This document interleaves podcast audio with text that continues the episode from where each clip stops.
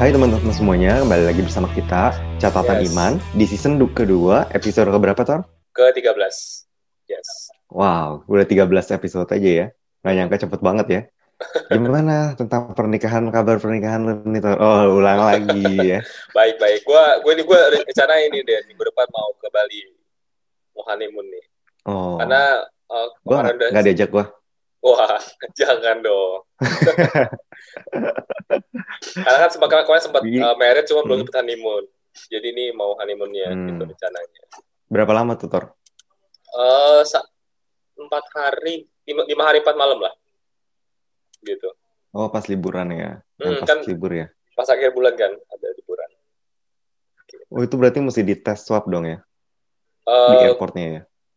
kemarin sih udah udah rapid sih udah rapid rapid ya Oh, itu mah bukannya kalau ya pakai pesawat bukannya kalau misalnya terbang tuh mesti dites lagi, tes lagi gitu ya. Nyampe di sana dites, terbalik lagi dites lagi gitu nggak sih? Hmm, enggak sih ya yang penting hasil tes itu tuh punya di tes itu 14 hari sebelum penerbangan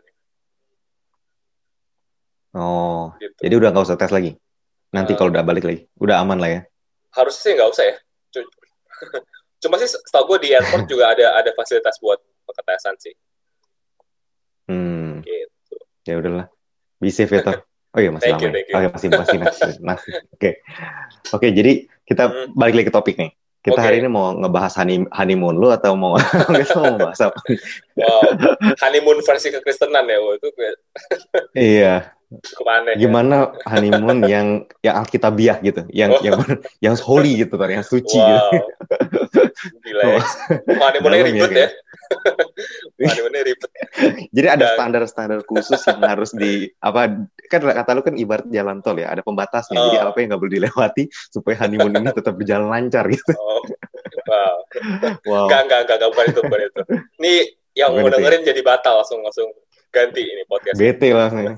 Bete langsung. Enggak, enggak. Jadi hari ini eh gue mau bahas sesuatu yang mungkin agak sedikit berbeda kali ini ya. Mungkin kalau di beberapa episode sebelumnya kita udah ngebahas mengenai kayak banyak kepercayaan lainnya ya.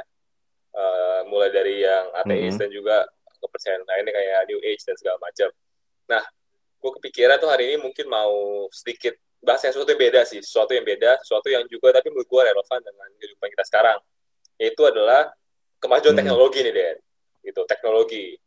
Karena Wow. kan kita Wow. bisa dibilang hidup di zaman teknologi ya. Maksudnya apa ya? eh, lu pasti Mm-mm. ngerasa ya dari kita zaman kita dari kita kecil dulu SD sampai sekarang tuh perkembangan Hmm. teknologi tuh gila banget ya. Gue inget banget Hmm. tuh dulu kamera tuh yang kayak gede-gede terus mesti pakai apa? Mesti, mesti pakai roll Iya gitu. benar. Mesti dicuci. Mm-mm. Sekarang Mm-mm. udah canggih banget tadi di dalam handphone segala macam. Jadi kayak Udah makin kecil ya, Mm-mm. bisa bisa ke air, ya benar-benar benar. bisa masuk ke air segala macam. Canggih banget ya. Dan itu semuanya yang nggak cuma sekadar handphone tapi juga kayak kemajuan dalam hal transportasi dan komunikasi dan segala macam lah. Jadi menurut gue kemajuan teknologi ini Hmm. adalah sesuatu yang cukup mengubah eh, bagaimana kita hidup ya. Ekstrim ya. Hmm, benar-benar. Mm. Nah, tapi yang, yang jadi pertanyaan, yang jadi pertanyaan adalah kayak apakah kemajuan teknologi ini uh, membawa kita Hmm. lebih dekat sama Tuhan apa sebenarnya malah sebaliknya gitu. Malah Hmm. malah jangan-jangan kemajuan teknologi ini membawa kemunduran gitu bagi bagi manusia untuk uh, dekat sama Tuhan. Nah, jadi itu itu topik besar ya, Den. Gitu. Hmm, oke oke oke. Nah, Oke. Kalau gitu kita mulai dari mana nih? Mm. Sip. Uh, mungkin Iya, ini boleh. awal awal dulu deh. Kita ngebahas general dulu ya. Mungkin dari lu sendiri nih, pandangan lu ah. mengenai teknologi itu seperti apa deh? Iya teknologi sih kalau menurutku ya Hmm. teknologi ya tools, alat, Hmm. alat sama kayak uang kali ya. Soalnya kan zaman dulu kan itu juga sebenarnya itu juga kemajuan teknologi loh. Maksudnya kayak zaman dulu pakai barter gitu ya. Lu bayangin gua punya sayur tukar sama lu punya kambing, kebo gitu ya. Itu kan repot ya. Bawa kemudian pakai standar emas, pakai koin, lempengan udah makin kecil, kemudian pakai uang, akhirnya kertas dicipta makin ringan. Jadi makin itu juga sebenarnya apa ya? Mungkin improvisasi kali ya. Mungkin ya sebenarnya mirip-mirip sama teknologi. Bedanya mungkin kalau teknologi mungkin lebih ke komputerisasi ya. Cuman kalau itu kan lebih ke arah tujuannya eh, lebih ke meminimalisir atau mempermudah dan sama juga sih basically tujuan utama daripada tools itu kan selalu mempermudah kehidupan manusia ya. Jadi kayak komputer, handphone segala macam juga itu mempermudah sih. Kalau menurut gue itu sih tools aja sih. Sebenarnya tools Hmm. kalau gue bilang. Iya, iya, iya. Mm-mm. Eh, kalau menurut gue menurut sih, gimana? uh, teknologi itu menurut gue sesuatu yang uh, menarik sih, sesuatu yang gue setuju sih, yang lu bilang bahwa sebagai tools. Dan tapi menurut hmm. gue gini, uh, gue ada satu buah apa ya? Menurut gue satu buah konsep ya, bahwa gini, yang hmm. menurut gue berbahayanya adalah gini. Uh, karena menurut gue segala sesuatu yang diciptakan itu, terutama oleh manusia, hmm. Sebenarnya memiliki potensi untuk menjadi berhala, ya gak sih? Sebenarnya ya, hmm jadi Betul. idol. Dan apalagi kalau kita ngomong teknologi, sebenarnya teknologi itu kan pada dasarnya yang udah tadi mempermudah kan. Dan selain mempermudah, hmm. menurut gue kayak me-enables enables us atau enables hmm. kita manusia tuh untuk melakukan lebih ya gak sih? Untuk kayak hmm. tadinya manusia kekuatannya misalkan 50 dengan teknologi bisa jadi 80, 90 gitu. Gue ambil contoh kayak yeah. misalkan hmm. Zaman sekarang tuh kita bisa memprediksi gitu. Misalkan ada tsunami mau datang, kita bisa memprediksi hmm. curah hujan. Cuaca. Ya, kayak, iya, jadi, jadi kayak sesuatu yang kayak dulunya itu kita serahkan sepenuhnya kepada Tuhan, sekarang kita udah bisa mulai hmm. memprediksi loh gitu. Jadi kayak ada hal-hal yang tadinya kita nggak bisa lakukan kita mulai bisa melakukan dan akhirnya um, beberapa untuk beberapa orang tendensinya ini seperti kayak kayaknya kita sudah mulai nggak membutuhkan Tuhan lagi karena kita sudah bisa melakukan apa yang tanda kutip ya tadinya Tuhan bisa lakukan gitu. Jadi uh, itu menurut gue salah satu uh, mungkin dari tadi mungkin sebelumnya kan positifnya kan? Nah ini menurut gue sisi mm-hmm. di mana teknologi bisa jadi sesuatu yang negatif. Negatif ya. Iya karena uh, bisa, bisa manusia tuh jadi lebih powerful. Dan akhirnya bisa akhirnya Betul. tanpa kita sadari ya menurut gue kayak teknologi ini bisa menjadi berhala masa kini ya. Kalau masa dulu kan mungkin ya cuma patung-patung ya. sekarang ya bisa jadi teknologi ini bener, baik mobil handphone makanya kan kita lihat kayak ada orang yang uh, ya mungkin ini minoritas sih tapi ada orang-orang yang kayak bisa jual ginjal demi iPhone terbaru atau ya hmm, uh, yeah, yeah. bisa kayak bunuh orang tuanya kadang kadang nggak dibeliin handphone jadi kayak sebegitu Gadget. Hmm luar biasanya loh pengaruh daripada teknologi ini sih. Jadi menurut gue itu yang kayak uh, background kenapa sih gue mau ngebahas mengenai hal ini gitu. Nah, ya, uh, kalau sih. Hmm. kalau kita ini Den, uh, pertanyaan berikutnya nih Den, kalau kita gabungkan gitu teknologi dan juga kegiatan ini nih. Nah, dari lu hmm. sendiri uh, selama lu belajar Alkitab ada gak sih kira-kira uh, mungkin nggak dijelaskan secara gamblang ya, tapi kayak iya. ayat-ayat uh, yang bisa menjadi dasar bahwa mengenai teknologi ini gitu kalau ayat-ayat yang menjadi dasar mungkin ada di, di, di Daniel ya kayak kita udah pernah karena Daniel kan uh, book of prophecy ya sebenarnya itu nubuatan ya hmm. dari zaman Daniel sampai ke Tuhan Yesus kemudian ada uh, ada empat kingdom di situ juga maksudnya ada beruang ada leopard dan lain-lain gitu ya sampai ke uh, kingdom daripada si antikris itu yang kalau kita lihat dari raja Nebukadnezar punya patung itu kan sebenarnya adalah kingdom kingdom gitu. jadi hmm. Uh, di buku da daripada Daniel itu sendiri dikatakan bahwa in the latter days atau di akhir zaman knowledge will increase gitu. Tapi tidak dikasih tahu secara gamblang apa maksudnya knowledge will increase itu maksudnya apa sih? Gimana hmm. kenapa knowledge bisa increase dan kemudian uh, dan ya uh, itulah juga yang gue percaya bahwa itu mengacu pada teknologi yang kenapa knowledge bisa increase ya karena salah satunya ya kayak tadi gadget sih sebenarnya ini sangat ngebantu karena sekarang pertukaran informasi kan gampang antar iya. negara yeah. ya. Maksudnya jadi kayak begitu lu ada informasi baru, lu taruh di YouTube segala macam semua orang bisa lihat. Dan ini yang membuat akhirnya kemajuan makin cepat gitu karena gue nggak perlu melakukan kesalahan yang lu dilakukan kan maksud gue tuh jadi gue bisa lihat dari lu dan gue bisa coba yang lain nah ini akhirnya makin makin cepat dan uh, ada beberapa juga memang yang mengacu ke kepada kayak misalnya di Matius 24 uh, yang the power of heavens will be shaken in the latter days yang ini Tuhan Yesus ngomong dan heavens di situ tuh uh, dalam bahasa aslinya itu Uranus itu kalau kita kaitkan akar katanya daripada Uranus itu adalah uranium yang mengacu pada nuklir. Nah ini teknologi dalam hal, hal akhir zaman ya, itu nuklir akan ada. Kemudian juga kita lihat bahwa di Revelation, di Revelation yang paling banyak sih di, di Wahyu, itu adalah ada Mark of the Beast, ini yang ditakut-takutkan semua orang, oh Mark of the Beast ini apa? Ini udah pasti teknologi sebenarnya. Basically ini yang cuman orang berpikir bahwa itu chip kan, itu chip dan kemudian vaksin di apa vaksin corona dibilang ini juga Mark of the Beast segala macam. Jadi karena orang udah mulai takut kita udah di zaman di mana itu mungkin di, di mana segala, apa chip itu mungkin untuk diimplan ke dalam uh, tubuh manusia karena sekarang juga udah dipelajari kan gimana caranya manusia bisa memperpanjang umurnya dengan uh, pakai stem cells ataupun bahkan menggabungkan sel daripada uh, bunglon ataupun hewan yang bisa menyembuhkan dirinya sendiri supaya uh, manusia dan akhirnya hybrid kan? Kalau kayak gitu lu baik maksudnya lu udah masukin sel daripada hewan dan ini yang ditakutin karena kita, di Alkitab juga dikatakan bahwa uh, ini akan menjadi sama dengan uh, akhir zaman itu sama seperti nanti sebelum kiamat itu akan uh, kiamat bukannya dunia berakhir ya, tapi maksudnya masuk ke akhir zaman uh, di antikris itu juga sama seperti zaman di mana Nabi Nuh ya. Nabi Nuh itu juga hybrid tuh. Kalau kita pernah uh, baca kisahnya fallen angels turun dan itu juga hybrid sebenarnya. Hmm. Itu juga hybrid dan sama sih. Jadi maksudnya itu yang dikhawatirkan dan juga kalau kita lihat lebih jelasnya mungkin uh, di, selain daripada mark of the beast dikatakan bahwa semua orang akan uh, menyembah image yang kemudian image itu diberikan breath ataupun ada nafas di bisa bisa hidup lah. Dan itu yang banyak orang percaya adalah itu mengacu kepada artificial intelligence gitu ya, bukannya literally bukannya bukannya tiba-tiba kertas bisa karena kalau kertas tiba-tiba bisa ngomong anjir takut semua orang. Nggak mungkin tiba-tiba nggak mungkin kita bisa relate kan? Maksudnya di zaman sekarang gitu. Tapi kalau itu adalah artificial intelligence atau bahkan komputer kita kemudian kita misalnya banyak orang yang bilang bahwa apakah kita mulai worship worship itu bukannya menyembah tapi kita terikat gitu. Apa kita udah mulai attach. Dan bahkan lebih parahnya waktu itu gue sempat baca sih ada beberapa buku ya atau artikel yang mengatakan bahwa uh, Alkitab itu sebenarnya memprediksi kayak rapture ya kan kalau kita pikir rapture itu kita ke surga ya hmm. kalau mereka enggak dia bilang bahwa rapture itu artinya adalah sampai kita sampai di titik di mana uh, manusia nanti bisa mengupload otak kita di cloud oh. jadi otak kita nih jadi mereka nggak percaya ada hati kan hmm. mereka bilang bahwa ketika kita bisa upload otak kita apa pun yang gua bisa download lu punya lu bisa download gue punya ditaruh di cloud maka kita nggak bisa mati gitu jadi kayak hmm. Ini adalah konsep-konsep yang wah gila. Itu yang cukup menggetarkan. Itu rapture kan rapture di atas kan? Oh iya. Maksudnya dia berusaha mengaitkan apa yang ada di atas kita itu dengan uh, dengan teknologi. Dan bahkan waktu itu kita juga pernah bahas bahwa uh, segala sesuatu yang terjadi di wahyu itu kan mostly ter harusnya terjadi di bumi gitu loh. Hmm. bayangin kalau Elon Musk berhasil membawa kita ke Mars ya. Pindah semua. Batal dong.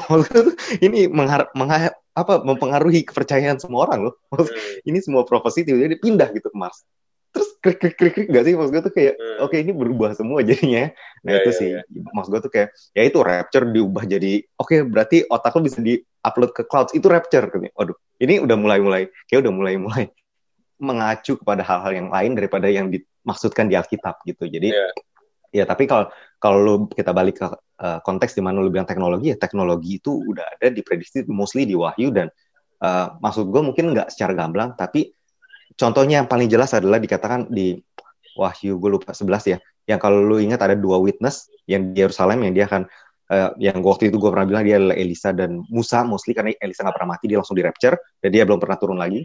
Dan uh, satu lagi Musa karena Musa itu sempat uh, iblis mau ambil mayatnya. Nah jadi ada dua. Yang satu memiliki kemampuan untuk memanggil hujan mengendalikan hujan. Yang satu lagi punya kemampuan untuk mengubah air. Jadi darah ini adalah pelayanan daripada Elisa dan Musa kan pada di perjanjian lama. Dan dikatakan bahwa uh, mereka akan mati oleh the beast itu. The beast ini nggak tahu siapa apakah raja antikris atau siapa pun. Dia akan mati dan selama tiga setengah hari semua orang all tribes semua orang di dunia ini literally semua orang akan melihat dia nah gimana caranya semua orang bisa melihat kalau bukan dari TV Iya nggak sih maksud gue tuh ini nggak nggak memungkinkan di zaman dulu sebelum ada TV dan internet. Tapi ini memungkinkan di zaman sekarang ketika ada TV dan internet karena lu bisa nonton itu dari HP kan lu nggak yeah, perlu yeah. ke sana lagi gitu tapi hmm. kalau kalau konteksnya dibilang semua orang dari berbagai suku bangsa negara dan tribe suku itu bisa melihat dia ini udah pasti teknologi ini udah ini udah mustahil ini karena nggak muat lu bayangin kalau di, semua orang masuk ke Yerusalem nggak bisa nggak bisa ngeliat juga karena nggak muat kan tapi kalau di hmm. TV semua orang muat kok dari TV yeah. aja kan bisa lihat nah itu yang gue percaya sih itu yang oh, paling okay. jelas lah Ya, ya, nah, ya. Kalau menurut lu gimana? Hmm. Uh, mungkin kalau menurut gue sih, gue gue gue tidak tidak sedalam lo ya, soalnya kitabnya. Cuma sih yang aku percaya ya itu sih yang di kejadian satu ayat dua tujuh sih di mana kan di situ disebutkan bahwa hmm. uh, manusia kan diciptakan segambar dan serupa dengan Tuhan ya. Otomatis hmm. uh, termasuk dalam hal sisi uh, kemampuan untuk mengcreate sebenarnya. Jadi hmm. jadi bagaimana Tuhan bisa punya kemampuan mengcreate itu juga ya manusia juga memiliki kekuatan tersebut walaupun mungkin tidak sebesar kekuatan Tuhan ya. Tapi itu menurut gue hmm. sesuatu yang perlu kita sama-sama uh, pelajari secara bijak sih bahwa kayak setelah manusia diciptakan akhirnya manusia tergoda dan juga jatuh kan gitu mm -hmm. Jadi kayak jangan sampai kita juga menciptakan sebuah teknologi dan nantinya teknologi itu uh. akhirnya malah membawa kita semakin jatuh lagi sebenarnya jadi itu sih itulah iya, iya. topik-topik yang sebenarnya yang uh, akan kita bahas berikutnya nah ini Dan hmm. bisa mengenai teknologi nih kan ini banyak orang pro kontra ya jadi kayak sama orang Kristen lah ya kan di satu sisi kayak hmm ter, terlebih di zaman pandemi gini teknologi itu benar-benar menjadi angin segar lah ya bagi Kristenan karena ibadah bisa hmm. online, hmm. Komsel bisa online, hmm. terus kayak per, per, hmm. apa persepuluhan persembahan bisa online jadi kayak sangat akhirnya teknologi ini bisa membawa gereja tuh menjadi relevan dan juga menjadi hmm. accessible lah bagi jemaat-jemaatnya di tengah kondisi hmm. pandemi ini nggak boleh ngumpul. Hmm. Tapi di sisi lain hmm. sudah sejak lama juga uh, teknologi ini justru membuat manusia kadang-kadang uh, jauh dari Tuhan. Kayak misalkan dengan akses yang mudah dengan pornografi, juga hmm. dengan misalkan banyak kayak penipuan online, pinjaman online yang kadang-kadang hmm. juga bikin hmm. orang keterikatan segala macam. Jadi kayak ini pro kontra banget gitu. Jadi akhirnya hmm. uh, ada orang-orang Kristen yang akhirnya dia menolak menolak teknologi karena merasa teknologi itu sesuatu yang jahat. Tapi ada orang-orang yang sangat-sangat hmm. mensupport teknologi karena itu adalah sesuatu yang baik gitu. Nah, jadi kalau menurut hmm. sendiri nih, teknologi itu sebenarnya hmm. pada dasarnya itu uh, baik atau negatif, negatif atau positif ataukah teknologi itu sebenarnya tidak memiliki moral stand gitu sebenarnya. Ya sebenarnya kalau kita ngomong secara objektif ya kalau menurut gue ya dia nggak punya moral apa pun ya karena dia kan benda mati sebenarnya sama kayak uang ya. Tapi memang kalau kita lihat dari Alkitabiah ya kalau kita ngomong dari Alkitabiah maksudnya kayak uang ataupun teknologi atau apa pun yang diciptakan manusia itu creation itu hmm. udah jatuh sejak Adam jatuh. Jadi which is di sana ada unrighteousness sama kayak kata lu bilang setiap creation daripada manusia itu memiliki potensi untuk menjadi idol gitu. Bahkan yeah. makanya kalau kita lihat di Alkitab di, Tuhan bilang uang itu unrighteous mammon gitu, mamon. Hmm. Padahal uang, maksud gue tuh yeah. apa salahnya dengan uang? Uang cuma kertas. Orang bilang uang cuma kertas, uang cuma kertas bener. Tapi karena dia ciptaan manusia dan manusia udah jatuh, itu membuat dia unrighteous karena yang menciptakan juga unrighteous. Kalau kita diciptakan oleh Tuhan, makanya kalau kita orang percaya kita dibenarkan oleh Tuhan juga. Yang ya, ini yang jadi masalah. Jadi kan memang uh, setiap ciptaan yang diciptakan manusia, manusia kan udah jatuh, udah berdosa dan setiap ciptaannya juga literally uh, basically secara spiritual ya ngomong secara spiritual memang secara objektif dia bilang ya nggak ada lah apa hmm. apa hubungannya ya kalau kita secara objektif kan dia nggak punya nggak punya moral karena memang yeah. dia kan juga uh, benda mati nggak ada moral apa pun tapi kalau kita ngomong dari segi spiritual dari manusia yang udah jatuh udah berdosa ya itu juga state-nya itu state apa apa ya default state-nya itu udah negatif sih sama kayak uang ya begitu pula uang dan teknologi itu udah negatif state-nya karena memang diciptakannya juga oleh manusia yang udah jatuh sebenarnya. Tapi ya gue kayak gue bilang lagi sih, maksud gue tuh itu juga tools, itu juga cuma tools dan gue percaya tools ini uh, apa ya mengekspos sih, bukannya untuk membuat lu menjadi jahat ataupun jadi baik, tapi mengekspos siapa lu sebenarnya gitu. Jadi kayak contohnya uang ya, kalau contohnya uang, uh, kalau uang di tangan orang baik, akan mengekspos kebaikannya. Kalau misalnya uang di tangan orang jahat akan mengekspos lebih jelas kejahatannya gitu. E, dibanding dengan gak adanya uang mungkin ya nggak gitu kelihatan begitu pula dengan teknologi teknologi akan mengekspos orang yang suka kritik dia akan lebih menjadi kritikus baik di YouTube segala macam ya suka ngatain orang tadi kan nggak bisa jadi kesannya kayak orang baik nih karena nggak ada teknologinya nggak ketahuan tapi kalau misalnya hmm. ada teknologi banyak orang-orang yang hatinya jahat kemudian dia nggak berani ngomong langsung ya lewat blog lewat hmm. uh, komen di YouTube, komen di Instagram, dia mengekspos diri dia sebenarnya, tapi nggak literally langsung mengubah orang itu dari baik ke jahat sih. Itu yang gue percaya. Tapi memang salah satu negatif state yang tadi gue bilang itu adalah kecenderungan untuk kita terikat dengan barang ciptaan manusia itu sih kayak komputer, hmm. uang. Ini kan manusia akan terlalu terikat. Yeah. Komputer, uang, pornografi, handphone segala macam itu inilah default state-nya sebenarnya. Unrighteous-nya ada di sana. Kemungkinan kita untuk menjadikan hal tersebut idol. Oh, nah, kalau okay. menurut lu sendiri gimana tuh? Mm-hmm. Uh, kalau menurut gue sih ngomong mengenai moral sih gue setuju sama lu sih. Sebenarnya gue, gue juga percaya mm-hmm. bahwa teknologi itu sebenarnya tidak memiliki moral tertentu ya, negatif atau positif. Karena itu semua ditentukan oleh usernya sebenarnya, yang bilang tadi penggunanya. Betul. Tapi yang gue satu lagi yang, yang gue mau one step further adalah kayak tapi menurut gue di dalam setiap teknologi itu ada value yang embedded, ada value yang menempel, ada nilai yang menempel di dalam sebuah teknologi. Yang sering kali orang nggak sadar sebenarnya Nah, hmm. mungkin uh, contohnya apa sih? Contoh gini, kita ngomongin misalkan kemajuan dalam hal transportasi ya. Ada hmm. misalkan ada sepeda dan ada mobil gitu. Ini dua-dua adalah hmm. sama kemajuan teknologi. Tapi kalau lu hmm. coba compare, ada orang yang pergi ke kantor 6 hmm. bulan naik sepeda sama 6 bulan naik mobil. Beda gak? Beda, hmm. gitu kan. Beda. Yang, yang satu hmm. pasti lebih fit gitu karena ada value embedded Betul. di dalam sepeda yang untuk lu untuk berolahraga yang gak ada di mobil. Gitu. Hmm. Gitu. Nah jadi menurut gue kayak sebenarnya dalam setiap teknologi walaupun sebenarnya itu nggak ada nilai moral ya kan ditentukan oleh usernya, tapi sebenarnya setiap teknologi itu hmm. ada value embedded yang nempelnya di dalam dia. Nah ini yang menurut gue orang-orang hmm. tuh jarang jarang bisa lihat dan jarang menyadari gitu. Hmm. Contohnya kayak hmm. mungkin kalau di sosial media ya, uh, gue tuh pernah uh, deng denger pernah baca satu artikel uh, CEO-nya Disney, gue lupa yang sekarang apa yang sebelumnya. Hmm. Jadi dia pernah ngomong bahwa hmm. alasan kenapa dia nggak memiliki akun sosial media adalah karena menurut dia hmm. uh, sosial media itu poisonous dia bilang dan nah hmm. ini gue sih nggak sepenuhnya setuju dengan apa yang dikatakan. Cuman ada satu hal, hmm. pemikiran menarik yang dibilang adalah kayak gini. Karena saat lu ke sosial media, uh, algoritma di sosial media itu kan akhirnya uh, memberikan pada lu apa yang lu suka, bener ya? Jadi kalau lu sukanya Betul. travel, otomatis kan di search lu atau di feed lu kan semuanya travel travel Betul. semua. Gitu kan. Nah, yeah, yeah, yeah. which is itu hmm. at some point bagus kalau lu adalah orang yang memang mencari itu untuk ide-ide kerjaan ya, ide-ide kreatif. Kayak lu misalkan yeah. ya, lu, lu kan uh -huh. suka desain interior itu bagus banget. Hmm. Tiap hari lu dapat as iya. asupan desain-desain yang buat kreatif. Iya, inspirasi. Iya. Hmm, betul. Tapi masalahnya kan ham, sebenarnya mayoritas orang nggak menggunakan itu untuk itu. Kan? Mayoritas orang kan menggunakannya hmm, untuk hmm. ya bersosial gitu, which is jadinya hmm. adalah misalkan uh, ada orang yang edik gitu ya ngeliatnya cewek-cewek cantik, yang di fitnya cewek-cewek cantik dan seksi yang muncul kan. Otomatis akan susah hmm. nih buat dia untuk keluar daripada misalnya keterikatannya dengan uh, wanita gitu ya atau enggak misalkan ada orang yang hmm. suka lihat apa ya uh, orang-orang jalan-jalan gitu akhirnya fitnya itu itu semua akhirnya kadang-kadang membuatnya jadi iri dan comparison gitu nah ini yang kadang-kadang jadi hmm. poisonous gitu bahkan kayak ada misalkan hmm, hmm. kita ambil contoh ekstrimnya ya ada orang-orang yang misalkan yang punya ide-ide radikal gitu mengenai terorisme gitu mungkin saat dia nonton hmm. YouTube yang recommended di YouTube-nya adalah hal-hal kayak gitu gitu dan akhirnya dia merasa bahwa hmm. hmm. eh ide gue tuh normal loh ternyata di sekeliling gue banyak loh yang punya ide kayak gue padahal nggak seperti itu kan hmm. padahal sebenarnya nggak hmm. banyak nggak nggak banyak dan nggak normal cuman karena algoritma sosial media merekomen hal-hal tersebut seakan-akan sekeliling kita banyak banget yang kayak gitu.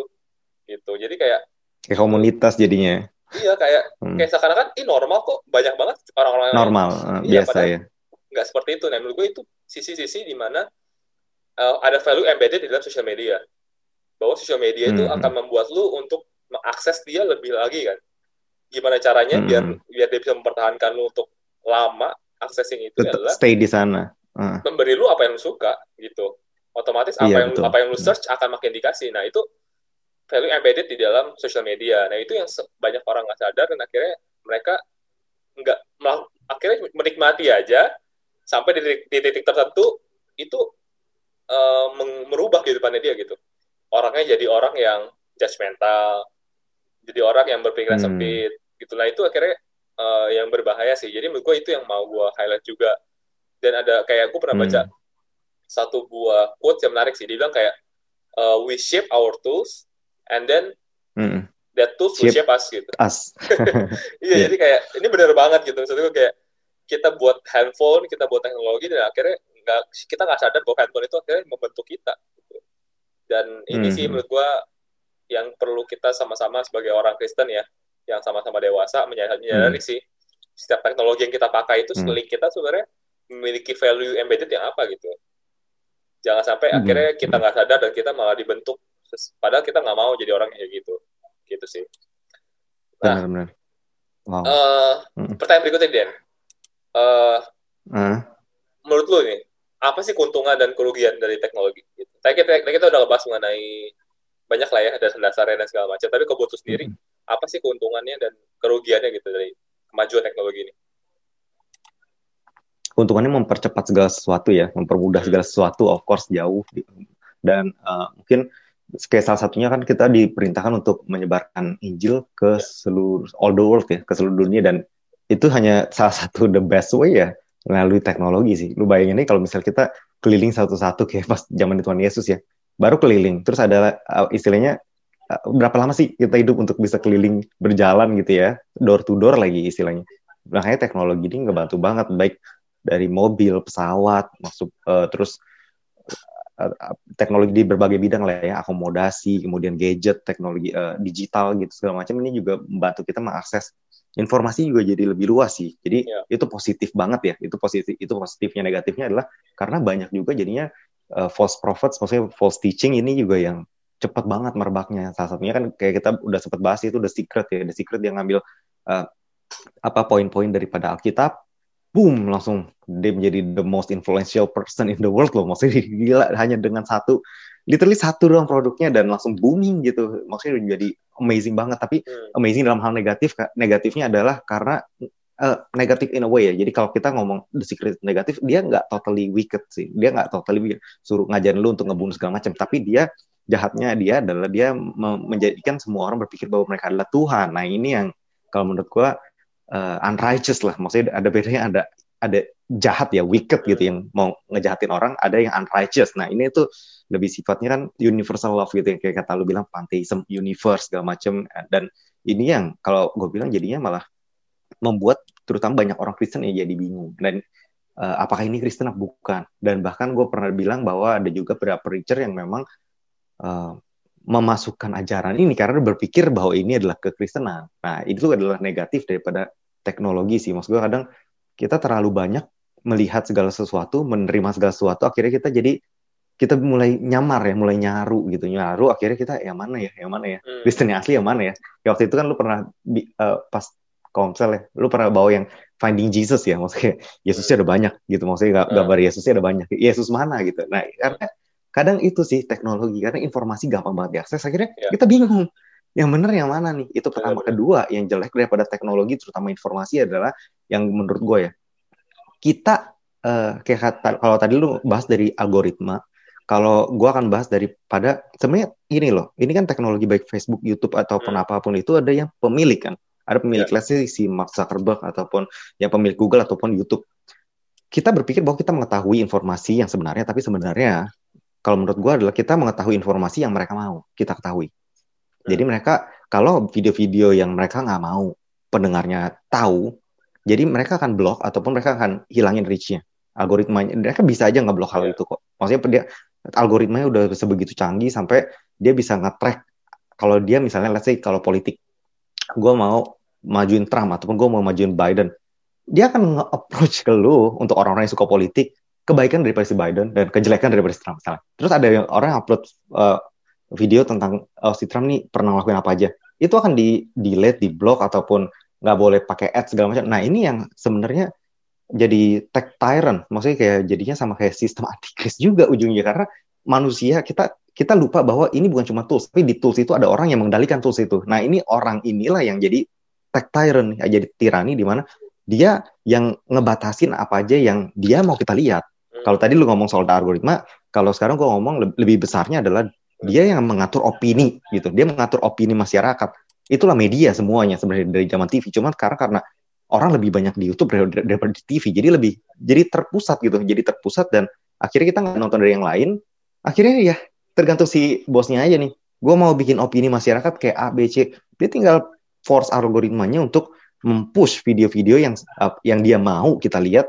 Kita akan punya opini langsung sesuai dengan apa yang dia mau literally. Ya. Jadi inilah negatifnya. Jadi itu dia yang gue bilang bahwa tools tersebut ada yang miliki dan ini yang sistem antikris ini yang ada di sana gitu maksudnya. Karena yang punya itu adalah pemilik tunggal kan? So, seorang company bukannya bukannya puluhan orang ataupun kayak ada ada evangelis ada kemudian ada muslim segala macam. Jadi kita kan bukan kayak gini gitu.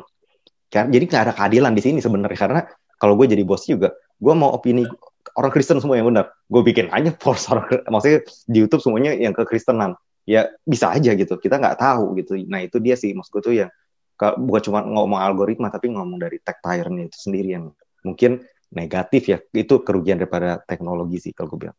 Kalau menurut lu gimana Tor? Uh, menurut gue sih kalau gue sih gue setuju sih beberapa poin yang lu sampaikan dan menurut gue kayak lucunya adalah menurut gue saat gue berpikir mengenai hal ini kayak hmm. setiap keuntungan dari teknologi itu at the same time juga membawa kerugian. jadi kayak menar menariknya nah. itu sih. Jadi kayak nggak ada sesuatu yang benar-benar membawa keuntungan. Jadi kayak kayak setiap, hmm. setiap satu jadi kayak benar-benar kayak contoh lu bilang tadi mengenai akses akses informasi ya. Buat berapa orang hmm. tuh sekarang tuh begitu mudahnya ya nyari informasi. Makanya kan generasi milenial tuh bisa dibilang generasi yang bisa dibilang paling pinter kali ya karena mereka tuh cepat bisa. Mereka mau apa pun tinggal hmm. cari di YouTube tutorialnya, mereka mau belajar apa tinggal Google kayak apa pun yang mereka mau mereka bisa dapetin gitu tapi hmm. at the same time hal ini tuh bisa membuat orang tuh jadinya sangat-sangat suka dengan kepraktisan gitu hmm. benar-benar orangnya tuh nggak mau repot Betul. orangnya tuh nggak mau cinta hmm. proses dan akhirnya ya itu hmm. uh, dan akhirnya jadi orang yang judgmental karena cepat kan jadi dia hmm. menilai sesuatu tuh juga secara cepat dan maunya cepat, juga ya? cepat hmm. jadi jadi akhirnya hmm. ciptakan generasi yang akhirnya uh, menilai orang juga cepat instan maunya juga segala sesuatu itu cepat gitu kalau nggak work cari yang coba yang lain nggak work coba coba coba yang lain jadi hmm. akhirnya lucunya itu jadi satu hal itu positif tapi si lain juga membawa dampak yang uh, negatif gitu negatif dan, hmm. iya dan juga kayak contohnya menurut gue kayak uh, sosial media ya kita ngomong positifnya adalah bisa membuat kita jadi punya virtual identity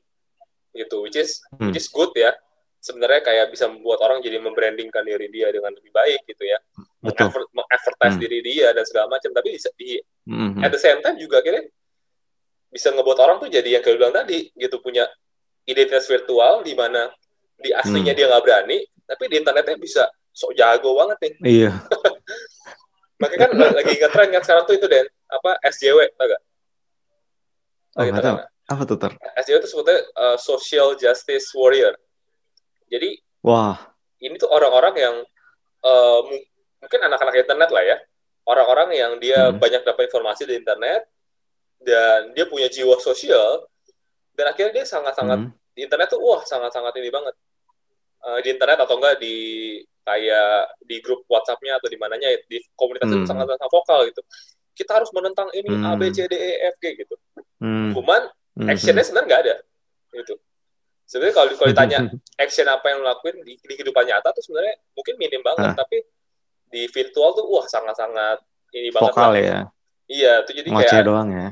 Jadi kayak fenomenanya ada, ada lagi berkembang tuh SJW gitu. Jadi kayak mm -hmm uh, dan ini juga menurut gue salah satu hal yang jadi bisa menjadi positif dan negatif dan menurut gue hmm. yang gak kalah uh, mengganggu dan sebenarnya yang juga positif banget sebenarnya adalah ini sih uh, kemajuan teknologi terutama internet itu bisa membawa kita untuk punya uh, konektivitas yang sangat-sangat luar biasa gitu istilahnya kita hmm. bisa menghubungi kita bisa menghubungi siapa pun di mana pun dan kapan pun kita mau betul gitu.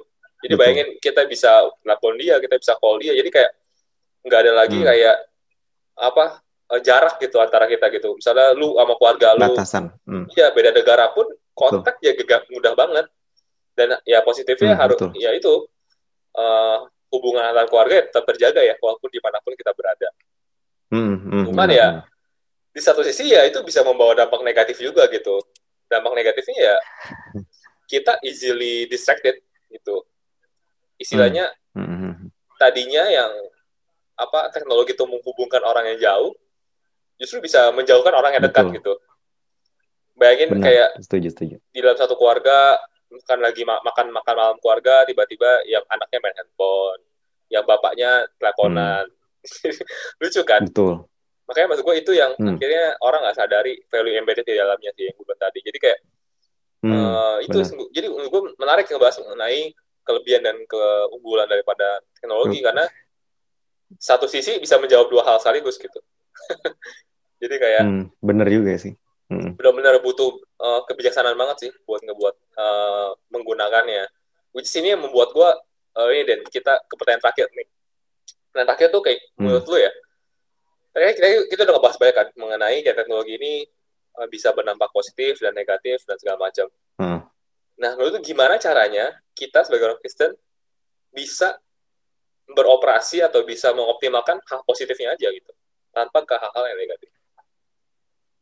Nah kalau menurut gue sih balik lagi ke kita harus tahu purpose-nya itu why-nya kenapa why kita pakai uh, tools tersebut kayak misalnya oh. kan sebenarnya orang Kristen cukup menjadi orang pertama yang um, beradaptasi kok ke setiap hmm. teknologi yang ada ya kayak waktu itu gue udah pernah bilang juga bahwa hospital itu pertama kali dicip uh, yang pembangun Kristen sampai eh pembangun hospital itu di zaman abad keempat tuh sebenarnya orang Kristen duluan jadi orang Kristen dulu memang yang uh, cukup berperan lah dalam teknologi cukup cepat beradaptasi. Salah satunya kayak musik kayak kita pernah bahas juga soal Hillsong segala macam gimana planet, planet Checkers ini juga eh, cara-cara kemajuan ya baik kemajuan melalui teknologi musik uh, uang ataupun apa pun itu Kristen itu selalu mau cepat beradaptasi karena memang tugas kita kan adalah untuk menyebarkan Injil ke seluruh bumi bangsa melalui apa pun kan, maksudnya melalui musik, melalui preaching, melalui virtual apa pun itu pelayanan, nggak cuma harus misionaris ataupun door to door.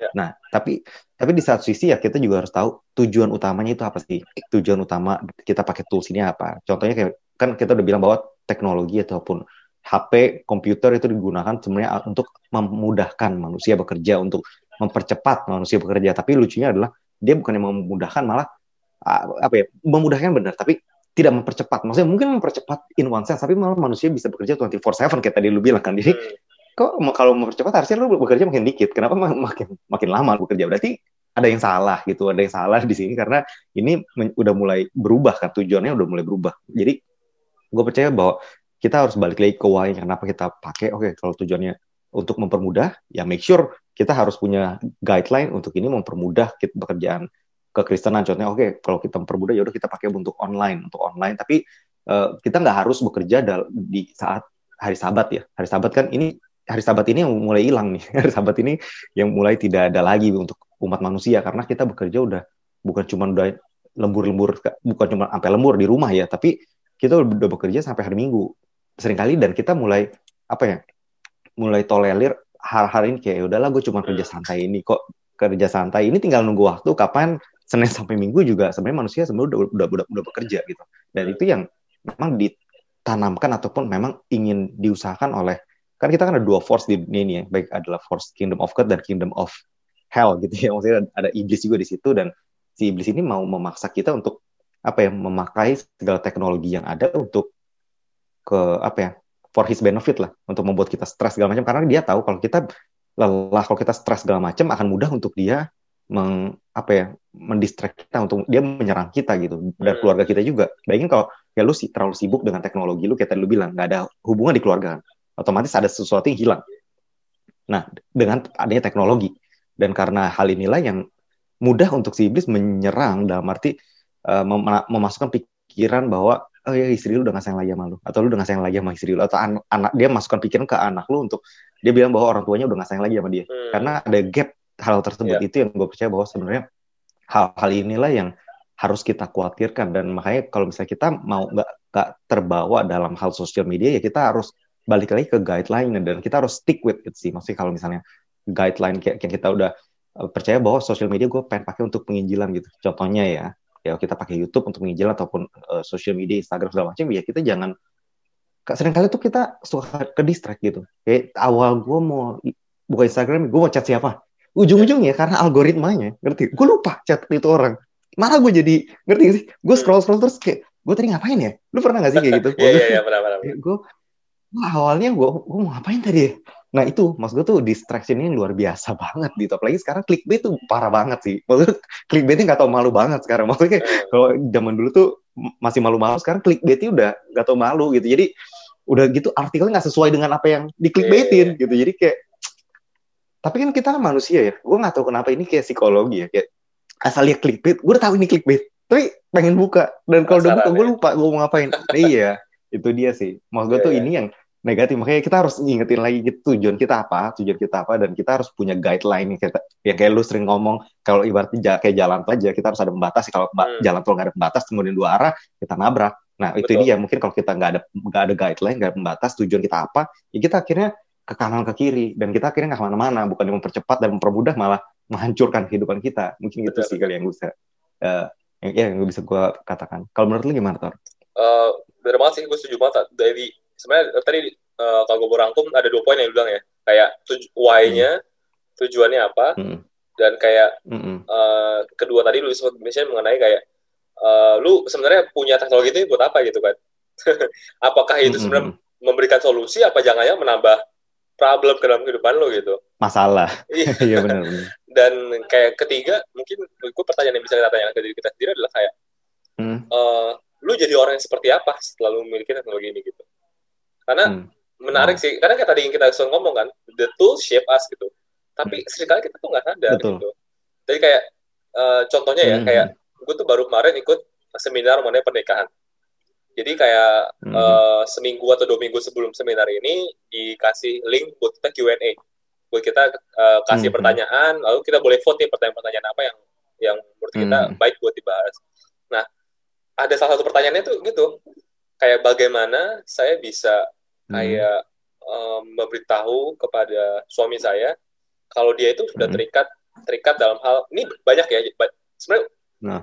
Temanya banyak cuman dirangkum jadi satu pertanyaan gitu jadi nah. ada yang terikat iya. pornografi ada yang terikat nah. main game jadi hmm. ada yang terikat sama mobilnya jadi kayak uh, hmm. banyak banget gitu dan kayak susahnya adalah para istri ini bilang bahwa suaminya tuh gak sadar jadi kayak hmm. nggak hmm. sadar kalau bilangnya selalu uh, mau me time mau me time mau me time tapi uh, pada pada pada pada apa ya pada kenyataannya kayak bilang tadi menimbulkan gap tuh akhirnya gitu dan hmm. gue kayak ini orang-orang sering nggak sadar jadi menurut gue kayak sebagai orang Kristen yang dewasa kita coba untuk melihat sendiri sih kayak bagaimana teknologi itu udah ngebentuk kita gitu jangan sampai Betul. akhirnya kita jadi berubah jadi orang yang kita nggak mau gitu yang sih yang, yang menurut gue penting dan Betul. menurut gue poin terakhir sih yang tadi sobat udah sampai mention juga sih mengenai disiplin sih sebenarnya kalau hmm. kita, kalau kita udah tahu hmm. gimana kita mendisiplinkan diri kita sih karena menurut gue sekarang tuh kalau lu pakai Android gitu ya itu tuh udah ada udah ada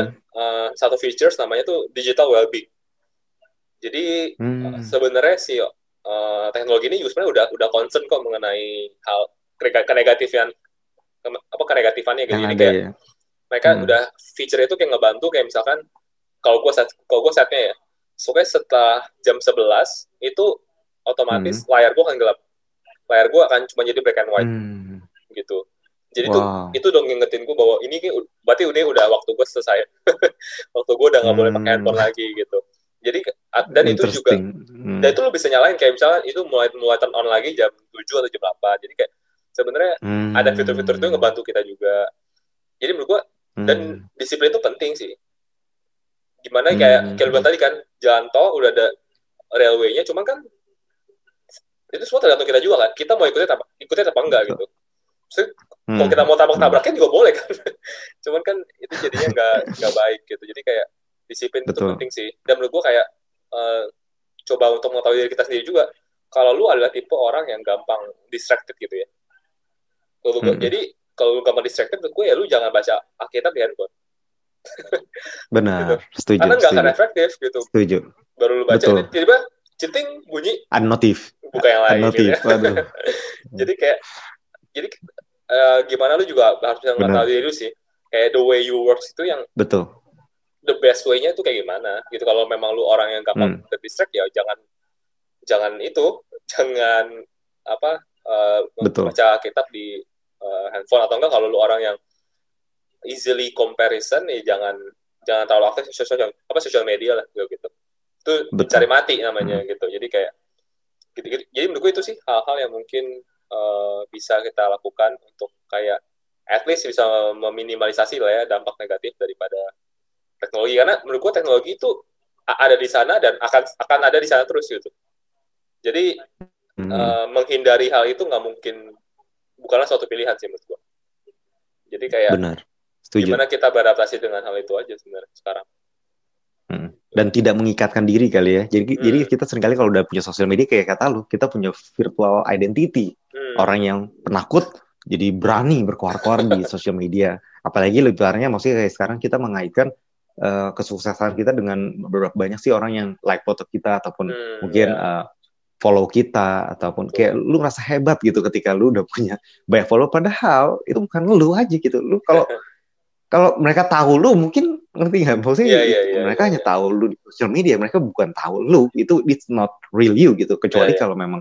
beda cerita kalau memang that's real you dan orang memang udah bersahabat dengan lu that's real life lah ya hmm. maksudnya awalnya kan sebenarnya Facebook kayak gitu ya kita iya. berteman yeah. kemudian biar bisa connect tapi end up sekarang malah jadi eh, ter terutama sejak perpindahan ke Instagram ini mulai ajang-ajang cari jati diri gitu jadi yeah, betul, betul. mulai saling oh jadi comparison dan competitionnya lebih gila banget jadi ini sih maksudnya jati diri kita jadi udah mulai tidak diterapkan daripada apa yang Tuhan katakan lagi ya, tapi mungkin apa yang orang katakan dan lebarannya lagi karena yang orang katakan itu kan opini dan itu pun di sosial media itu juga not real gitu. Hmm. Ini yang lebih parah sih kalau menurut hmm. Iya. Yes, yes, benar setuju banget. Oke, dan terakhir ada yang mau tambahin nggak? Uh, kalau gue sih kayaknya udah mungkin kayak, tadi gue udah, udah ngomong juga sih maksudnya kayak yang penting kita gimana caranya kita bisa mengadaptasi diri kita dengan teknologi yang ada dan uh, balik lagi ke why-nya kenapa kita pakai teknologi itu dan bener banget kayak kata lu ngomong uh, ketahuilah diri lu itu juga karena di, di Alkitab gitu know yourself gitu kayak kita harus tahu diri kita kelemahan kita juga apa kelebihan kita apa dan make sure kalau kita tidak mencobai diri kita sendiri ya ketika kita masuk ke teknologi contohnya kalau misalnya lu lemah dengan wanita ya lu jangan dengan sengaja masuk ke teknologi hmm. untuk mencari hal itu karena algoritma akan hmm. mau memforce lu untuk stay lebih lama dan lu akan terikatan di situ yeah. begitu pula dengan kalau lu kayak tipe gua gua orang yang gampang distracted That's why gue juga beli Alkitab yang benar-benar yang zaman dulu, maksudnya yang buku oh. gitu, bukannya yang uh, bukan yang gue nonton. Karena gue orang gak mau distract, apalagi ada clickbait kan, notif, bla bla bla. Aduh, kayak nggak kalau gue nggak klik tuh ya, gue pernah nggak klik, tapi nggak damai. Kepikiran. iya, jadi jadi kayak gue baca ini tadi nyampe profil mana gitu. Tadi gimana itu? Jadi gue klik-klik ya udah lagi kayak maksudnya ngerti gak sih? Jadi pengen buru-buru selesai deh nih Alkitab yeah, yeah, gitu. Yeah. Jadi udah ada kepikiran. Nah, maksudnya yeah. tuh untuk orang-orang kayak gue ya, mendingan pakai aja buku asli gitu terus hmm. uh, notifnya di gue matiin gue mute hmm. aja udah jadi yeah, yeah. Gak, karena sering kali kayak WhatsApp ting ting kayak hmm. ting ting kalau nggak nggak dilihat kayak siapa ya siapa ya nah maksud gue tuh ini juga ngeganggu banget kan benar-benar nah maksud gue tuh ya kita, kita harus tahu diri kita juga dan balik lagi ke disiplin ya disiplin setelah kita tahu setelah kita tahu purpose-nya disiplin lakuin. Maksudnya jangan cuma kita tahu kayak kata lo bilang udah kita kasih pembatas udah hitam putih udah tetap aja pencet-pencet ya sama aja bohong ya maksudnya. Kalau misalnya kita udah hitam putih harus tahu. Berarti udah saatnya kita mungkin tidur istirahat ataupun main bersama keluarga. Mungkin ya. itu aja sih yang pengen gue tambahin. Kalau ya. menurut ya. lo sendiri tuh yang mau tambahin? Hmm, nggak ada sih. Kalau gue uh, apa yang sampaikan sudah sudah merangkum itu semua sih. Jadi jadi kita tutup saja episode hmm. kali ini. So thank you banget buat teman-teman yang dengerin. Semoga episode kali ini bisa memberkati kalian semua. Dan kalau kalian punya topik-topik hmm. lain yang bisa direkomendasikan ke kita ya, untuk kita bahas ke depannya, bisa langsung aja direct message di Instagram kita di catatanima.id atau di Instagram gue di hmm. @victordetia atau lu di mana Den? Di @denis.johan atau bisa juga di YouTube channel yes. At, uh, Prisa Iman ya Tor? Yes, kalau kalau kalian ada orang-orang visual bisa lihat dari situ. gitu. Oke, okay, okay. mantap. Sekian dulu buat episode kali ini. See you in another episode. Stay safe and God bless. God bless.